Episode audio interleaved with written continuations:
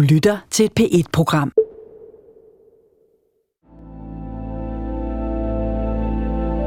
Jeg kigger på mig selv og spørger, var det i orden?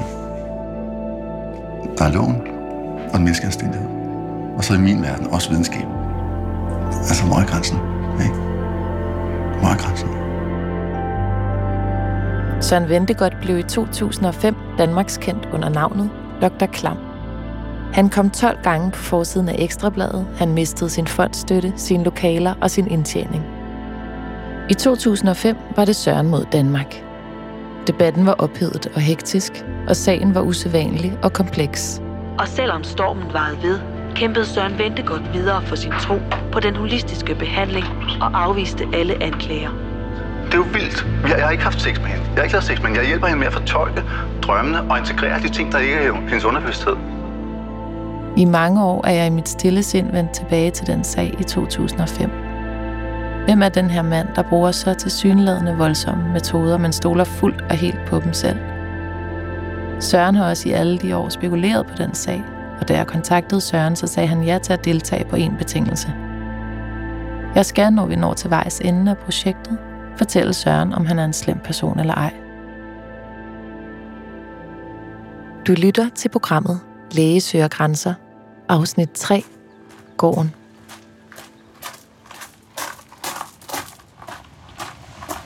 Nu skal vi en tur ud til Sørens farm. Jamen, jeg fik så forsædet fornemt. Tak. Fordi du sendte jo en sms om, at du gerne vil besøge gården. Så det er jo... Hvis jeg nu skal være super fræk, så er det en ashram. Det er et spirituelt vækstcenter, hvor folk de kan lære sig selv at kende. De kan finde ud af at blive sig selv og være sig selv. Og hvad er det, folk kommer med for problematikker? Altså, det er normalt, at de ikke kan fungere i det liv, de har. Altså, det, det, det typiske, det er et ung menneske, der ikke kan fungere, og også har eksistentielle problemer, og har mistet glæden ved at være til.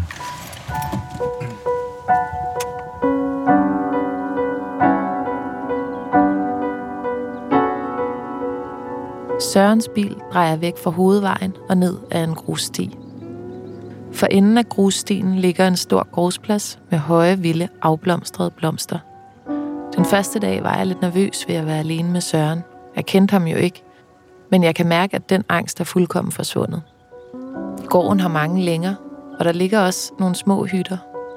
Det siler ned, og vi træder ud af bilen og ned i noget brunt, dybt mudder.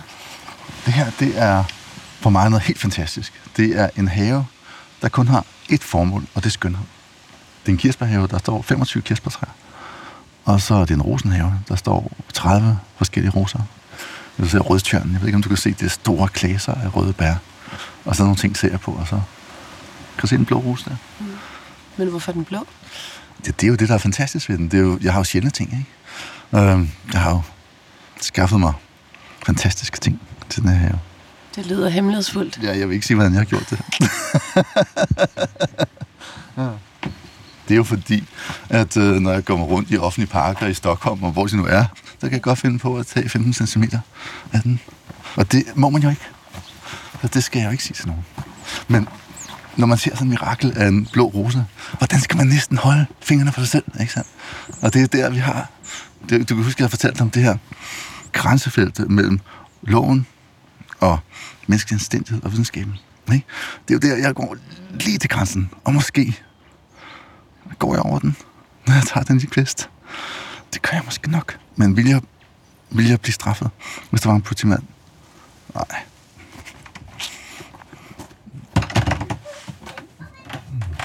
Tror du, at øh, du er mere bevidst om lovene, fordi du ved, at du tit bevæger dig på, og måske en lille smule over grænsen? Hvor er grænsen? Ikke? Hvor er grænsen? Jeg synes, det er interessant, hvordan at du har en, en dom, der ligesom var meget strid med din egen selvopfattelse. Og samtidig så ved du godt, at for at gøre de ting, du gerne vil, så er du nødt til at bevæge dig til grænsen. Det, det er på en eller anden måde, så tænker jeg, at det er modstridende, men det er det måske ikke nødvendigvis. Nå, men tilgrænsen er jo, er jo fint. Overgrænsen er ikke fint. Jeg prøver bare at leve mig ind i den selvopfattelse, der både kan rumme en forvirring over at få en dom, og så samtidig en bevidsthed om at være kontroversiel. Jamen, hvad kontroversiel er jo ikke ulovligt. Det har man jo ret til at være. Man har jo ret til sin egen mening og gøre tingene på en egen måde. Men man skal stadig overholde loven. Mm, jeg forstår det godt. Jeg tænker bare, så meget kan det jo ikke have kommet bag på dig. Så. Jo, det gjorde det fuldstændig, fordi jeg mente jo, at jeg overholdt alle regler perfekt. Men jeg tænker også på den personlighed, du har. Det er jo min evige kamp i mig selv, det er at, at gå hinsides den personlighed, så personligheden ikke er en begrænsning i mit liv, så jeg kan gøre, hvad der er rigtigt, i stedet for at gøre, hvad min personlighed, der er skidagtig, dikterer. Men lad mig så spørge på en anden måde. Tror du noget af alt det, vi rakte, var også handler om, hvordan du er som grundperson? Ja, det er jeg helt sikker på, at hvis jeg nu havde haft en sød personlighed, i stedet for at have haft en skide aktiv personlighed, så var der ikke nogen, der kunne mistænke, at jeg var øh, en, en, forbryderspiger, der misbrugte pigerne, vel? Altså, det er, jo, det er jo klart, at det ligger også i, i, når man er altså, så fræk, og så, så strid, og så arrogant, og alle de her ting. At, øh, så det er nemmere, meget nemmere at tro om et menneske, at det er, øh, et, altså, gør nogle forkerte ting, ikke? Mm. Så, så man kan sige, at min personlighed var imod mig i den situation, ikke? Vi er så langt fra Sørens tidligere højloftede lokaler i Indre By, som man kan komme. En gang imellem går der en person klædt fra top til tå i regntøj forbi os, helt lydløst. De er her, de søgende sjæle, men de vil ikke tale. Søren har fortalt mig, at de er bange for at sige noget, der sætter ham i et dårligt lys. Søren hilser på dem og viser mig vej hen til hovedhuset. Men det her, det er i al beskedenhed mit kontor. Så det er her, jeg laver min forskning, skriver mine artikler, og det er også her, jeg har terapi og samtaler med folk. Og jeg har en briks til kropsterapi, og så har jeg simpelt øh, bord med to stole, så man kan snakke sammen. Kan du fortælle mig lidt om, hvilken familie det er, du kommer fra? Ja, man kan sige, Ventegårdsfamilien, det er sådan en, en snobbefin københavnerfamilie, fyldt med, med læger og advokater. Jeg blev læge for at blive forsker, fordi det mente jeg var, var det, der bedst kunne gøre mig i stand til at forske i sammenhængen mellem det naturvidenskabelige og det humanistiske. Men min far var meget skuffet. Det var ikke det, han havde tænkt, det skulle være. Der var ikke noget galt med mine forældre. Men jeg følte mig ikke altid set og mødt og elsket. Min mor var glad. Min mor blev sygeplejerske, og så blev hun billedkunstner. Og det var det, hun gerne ville være, virkelig en kunstner. Og det, er hængende bag der, det er et portræt af min far i grønt fra 1990, hvor min far han er gammel og træt. Du kan se, jeg har mange af hendes billeder faktisk her. Det der, det er et billede af min mor, det malede hun, da jeg var 10 år gammel. Det var, da du var 10, at din bror døde. Ja. Han døde på den strand, hvor jeg nu har sommerhus. Og det var der også noget meget altså, cyklisk ved, at jeg var nødt til at have et hus på den strand, hvor min bror døde. Huset hedder Jespers Minde, efter, efter min bror, og der er sådan en fint musikskilt på huset. Det er jo et sår, som jeg har arbejdet hele mit liv på hele tabet af min bror også. Det har haft så stor betydning i mit liv, at, at det altid rejser med mig, men det er ikke noget, jeg tænker over, når jeg er i huset. Vil du fortælle om situationen? Mm, ja, det kan jeg godt. Det var på et tidspunkt, hvor min mor og far, de trængte til ferie. De besluttede sig for at tage til Frankrig, tror jeg det var. Og parkere også på en campingplads med noget familie i Rørvig. Så vi boede på campingpladsen i telt. Og hver dag så tog vi ned og bade. Uden opsyn. Og ingen af os kunne svømme. Men stranden ved Rørvig, den er meget lavvandet. Så det er en sikker strand. Sådan relativt sikker. Den dag var der storm. Der var fredagsvind og storm. Og vi var de eneste på stranden. Men det skulle ikke forhindre os i at bade. Min bror han var sådan en, en vågepels. Han skulle ud og prøve øh, de største bølger længst ude. Så på et tidspunkt, så, så driver han ud af. Og han råber om hjælp. Og jeg ved bare, Fordi vi kan ikke svømme. Jeg ved bare, at hvis jeg prøver at hjælpe ham, så dør jeg også. Jeg ved, at han er fortabt. Jeg ved, at jeg ikke kan redde ham. Og jeg ved, at hvis jeg går ud og prøver, så er jeg selv død. Og det er jo det, min skyldfølelse kommer af, ikke? Fordi tanken er jo, skulle jeg alligevel have forsøgt, selvom det havde kostet mig meget liv. Det er jo et af de svære øjeblikke i livet, hvor man siger, altså desværre, bror, jeg er for glad for mit eget liv. Jeg kan ikke, jeg kan ikke komme ud efter dig, fordi jeg kan se, at det kan vi ikke overleve. Det, var, det måtte jeg leve med.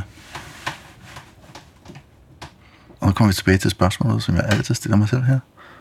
Er jeg et dårligt menneske? Og det spørgsmål kommer også her. Gjorde jeg det rigtige? Var jeg for selvisk? Skulle jeg have forsøgt? Nu bliver jeg sgu lige ked af det. Nu snakker om det. Mm. Mm. Har du tænkt over, om det, at du ikke kunne redde ham, har gjort, at du har fået meget lyst til at redde andre? Jeg har ikke tænkt det på den måde. Men Søren, du bor på en gård, hvor at der går sygne sjæl rundt ude foran vinduerne i det her svenske regnvejr. De må ringe til dig i døgndrift. Det er på en anden måde, ikke? Jeg kan ikke se det som, som et neurotisk begær at frelse mennesker. Jeg kan ikke se det på den måde. Det føles ikke sådan. Jeg har været i tvivl om, om jeg ved at bede Søren fortælle om sig selv, gjorde noget forkert. For Søren er jo sådan set en dømt mand. Gør jeg noget forkert ved at bede ham åbne sig i et ikke kun kritisk interview? Det er et spørgsmål, jeg har stillet mig selv, og den tanke beror jo på en frygt, som er en etableret del af journalistikken og i offentligheden, nemlig frygten om, at vi, ved at lytte til folk, mister vores kritiske sans. Det er, når jeg tænker lidt efter, en absurd tanke, at det, at vi får aktiveret vores medmenneskelighed, skulle udelukke vores kritiske sans. Og jeg må indrømme, at uanset hvor stærkt mit behov er af og til for at fordømme, så kan jeg ikke lægge låg på et andet behov, nemlig behovet for at forstå. I den her sammenhæng forsøger jeg at forstå, hvad der gemmer sig under myten om ham, de kaldte Dr. Klam. Det er jo så vores meditationsrum, som jeg synes er et af de skønneste rum på gården. Med tre kæmpe store vinduer ud mod skoven og en brandovn. Og så er der billeder af vores husguru, Sai Baba. En udstilling af fem buddha-statuer. Med ordene visdom, styrke, fred, kærlighed og medfølelse, som var Buddhas kerneværdier. Det er måske vigtigt at sige, at det er ikke noget buddhistcenter. Jeg har ikke nogen religion. Jeg tror ikke, at sandheden behøver at blive pakket ind i en religiøs forklædning. Jeg tror, man kan finde sandheden uden religion.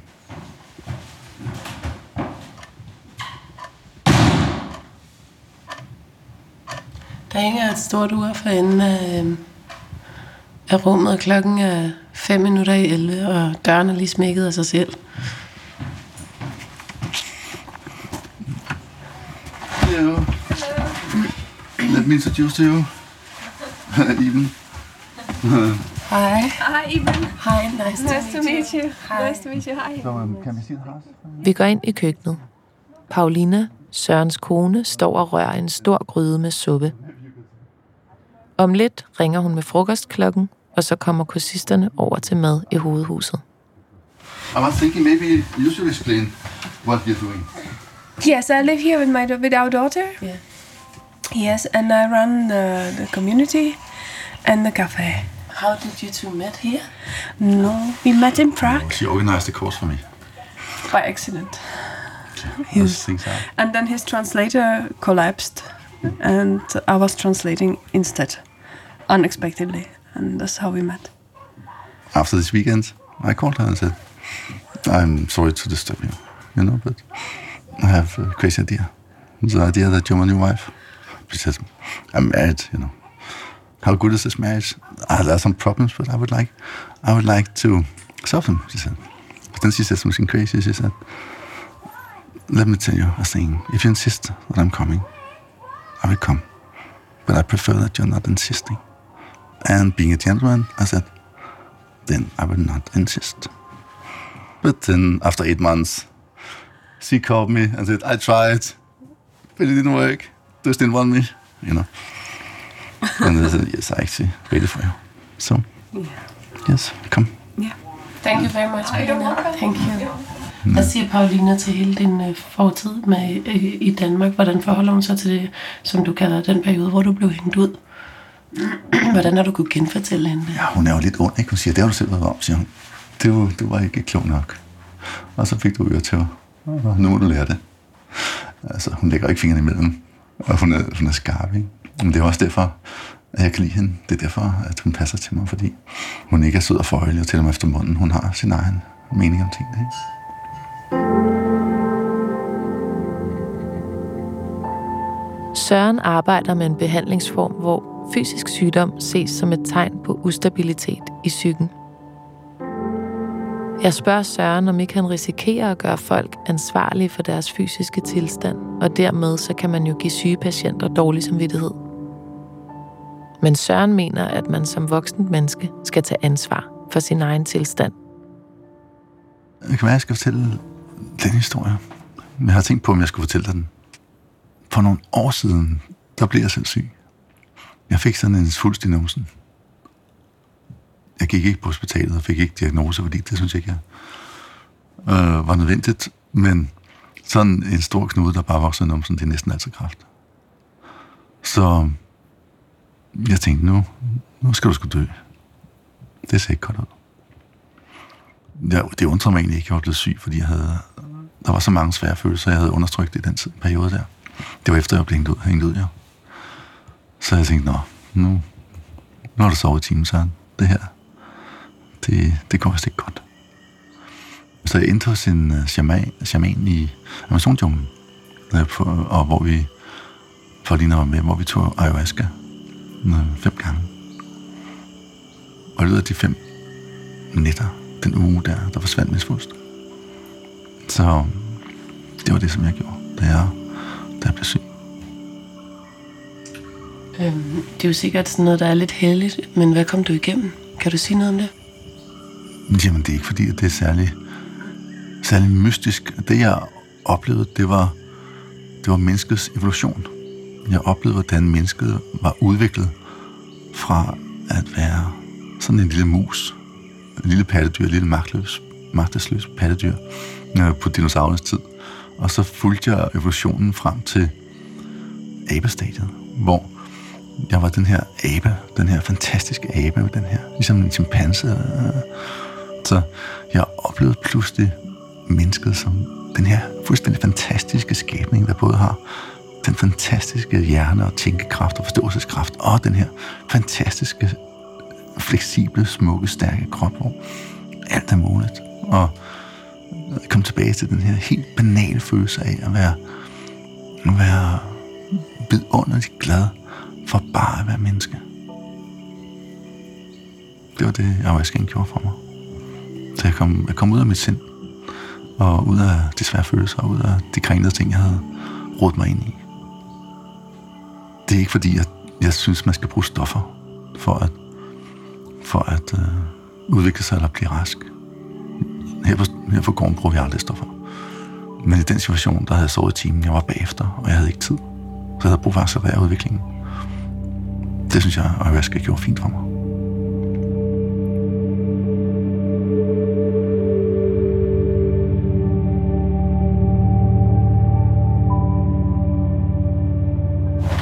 Hvad skal vi nu? Nå, vi- nu skal vi herinde ved siden af, så skal vi starte samtale. Vi har hver aften, øh, der har vi jo en snak i hele gruppen, hvor vi i virkeligheden hjælper hinanden. Det er ikke mig, der hjælper folk, det er alle, der hjælper alle. Og det foregår herinde. Det er vores bibliotek. Det er, det er et meget professionelt rum for mig, det her. Det er et meget, meget seriøst rum, det her. Alle de alvorlige snakker om, om livet foregår. Hvorfor er du spændt på at vise mig det her? Mm, ja, på grund af kunsten, der hænger på væggene. Jeg holder meget, meget af kunst, og jeg holder meget, meget af kvinder. Og her har jeg kombineret det med kvinder i kunsten. Det er jo malerier og tegninger og fotografier af nøgne kvinder. Og så er spørgsmålet, gik jeg lige over grænsen her? Hvis man deler sin, noget om sin seksualitet eller livsproblemer i en terapeutisk sammenhæng, så vil man efterspørge en kliniskhed på en eller anden måde. Og det her er jo sådan meget sanseligt, det er sanseligt. Og det er erotisk kunst. Mm, er det erotisk kunst? Der vil jeg måske lige sætte spørgsmålstegn ved det. Fordi er det ikke bare sådan, en kvindekroppen ser ud? Nu beskriver jeg lige, hvad vi blandt andet ser. En kvinde, der ligger på en strand med skummende bølger, ja. nøgen. Og så har vi en blå nøgen dame, der er malet. Det andet er fotografier, så vidt jeg kan se. Ja. Og så har vi en... Det er erotisk, det der. Der står en kvinde og strider med numsten ude i et buskads. Nøgen. Det er erotisk for dig. Ja. Det er ikke erotisk for mig. Hvis jeg havde sagt, synes, det var erotisk, så havde jeg ikke hængt op. Altså, hvis du tænkte, det var frægt. Ja, så havde jeg ikke hængt op. Nej. Forstår du? Så måske har vi forskellige meninger om, hvad der er erotisk, men det er ikke erotisk for mig. Det er ikke pornografisk for mig, virkelig ikke. Hvad er det så? Det er smukt. Smukt. Jeg synes bare, hun er smuk. Jeg kender hende godt. Det var faktisk en af vores øh, kursister her, eller en af de søgende her. Vi kan godt være nære på hinanden, vi kan godt være intime, uden at være seksuelle. Men det betyder ikke, at jeg ikke er mand, og du ikke er kvinde, og vi har vores seksualitet hver især. Men vi blander den ikke nu. Det vil sige, at vi har ikke sex nu. Det vil sige, at det er ikke seksuelt nu. Er vi i gang med at flirte? Er vi i gang med at lægge op til noget? Bage på dig? Er jeg ude på noget? Det er jeg nok ikke.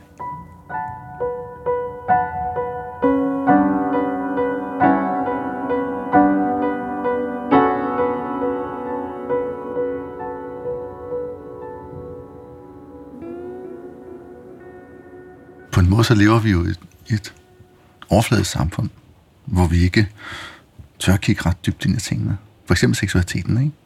Vi tør ikke analysere det, vi tør ikke vedkende os det. Ikke? Nu snakker vi om, at øh, hvis man er en mand med en, en velfungerende seksualitet, så er kvinder i almindelighed dejlige. Og hvis man har med kvinder at gøre, så kan man ikke lade være at nyde det. Men det at vedstå sig, at man kan lide kvinder, og, og at man har glæde af arbejde med kvinder også på den måde. Altså, det er jo dybt tabu. Det, det må man jo ikke indrømme. Man skal jo benægte det og fornægte det. Altså, det er jo, synes jeg, virkelig, virkelig usundt. usundt. Det Altså, det du, det du taler om nu, øhm, det er den her anklage, der hedder, for man som behandler noget ud af at arbejde med øh, kvindens krop på en eller anden måde. Ja. I for eksempel vaginal akupressur. Nu, det er jo klart, at den seksuelle jagt går væk. Flørten går væk. Mange af de seksuelle spil går væk. Men, men seksualiteten går ikke væk. Den undersøgelse af seksualiteten, man kan lave for at blive en professionel behandler, den ender med at være selvskadende. Fordi du ødelægger din egen seksualitet. Og det ser vi jo hos masser af lægestuderende, som prøver at kontrollere sig selv, når de lærer at lave gynækologiske undersøgelser. Altså, det er helt normalt, at sådan en ung mandlig lægestuderende har et års impotens, når han har øh, arbejdet på, på en gynækologisk klinik. Fordi at han har måttet undertrykke sig selv så meget, at hans seksualitet ikke fungerer i lang tid. Og det snakkede vi også om som studerende. Vi snakkede om, hvor, hvor, det, hvor svært det var at lave gynækologiske undersøgelser, når vi var glade for kvinder. Jeg kan huske, vi havde sådan en snak nede på Studenterklubben en gang over en masse øl, hvor vi prøvede at dele med det her problem og løse det.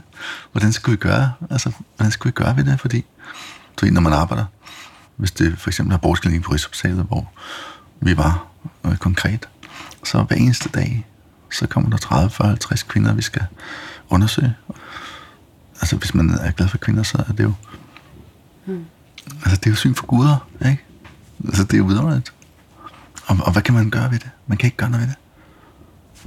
Hvad, hvad skal man sige? Nej, nu er jeg på arbejde. Nu, nu, nu er jeg ikke mand. Altså, det kan man jo ikke. Men det kan man godt alligevel. For man kan sige, jamen, jeg vil ikke have nogen seksuelle følelser i den her situation. Og så være, altså, helhjertet, benhård professionel. Men er det en god ting for kvinden? Er det rart for kvinden, hvis man er blevet til en robot? Og så har vi lavet en Jeg aftale. vil meget hellere have en robot end en mand i den situation. Ved du det? Selvfølgelig. Okay. Jeg har fortalt dig, at jeg deler sandheden med dig. Jeg deler tingene med dig. Jeg fortæller dig tingene. Nu må du tænke på, at vi var bare på studiebesøg på den klinik. Det var, vi var jo ikke gynekologer. Vi var studenter, som var, så havde 14 dage på den klinik. Hvis man vælger at blive gynekolog, og gøre det til sit levebrød, så er man nok nødt til at lukke seksualiteten ned, tror jeg. Det er meget forlangen, meget at forlange af, af et hold medicinstuderende øh, på 20 år, eller hvor gammel vi nu var, ikke? 25. At vi skulle lukke seksualiteten ned, fordi vi kommer på sådan en gynækologisk klinik i 14 dage. Men det var et enormt problem for os, det kan jeg godt sige dig. Det var sådan, hvad gør vi ved det problem, vi har, når vi synes, de her kvinder er lækre? Forstår du? Det er sådan et samvittighedsproblem. Jeg vil ønske, at jeg ikke synes, hun var lækker. Men jeg synes det. Hvad skal jeg gøre ved det, ikke? Altså, hvor er grænsen, ikke? Hvor er grænsen?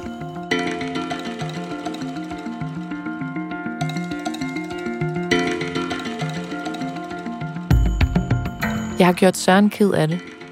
Han fortæller mig, at han er blevet påvirket af samtalen om hans bror Jesper. Han kører mig hjem i regnvejret, og jeg føler mig lidt skamfuld over at have påvirket hans humør. Jeg går ind på mit værelse og ruller mig sammen og ligger mig tidligt til at sove i den her lille skurvogn, der står midt ude i den svenske skov. I morgen vågner jeg op til min sidste dag i Blekinge. Jeg vågner så også op til den sidste mulighed for at finde ud af, om Søren er slem eller ej. Du har lyttet til Læge søger grænser. Idé til rettelæggelse, redigering og optagelse er af mig, Iben Maria Søjden. Klip, redigering og mix, Jakob Helt. Redaktør, Ida Holten Ebbesen.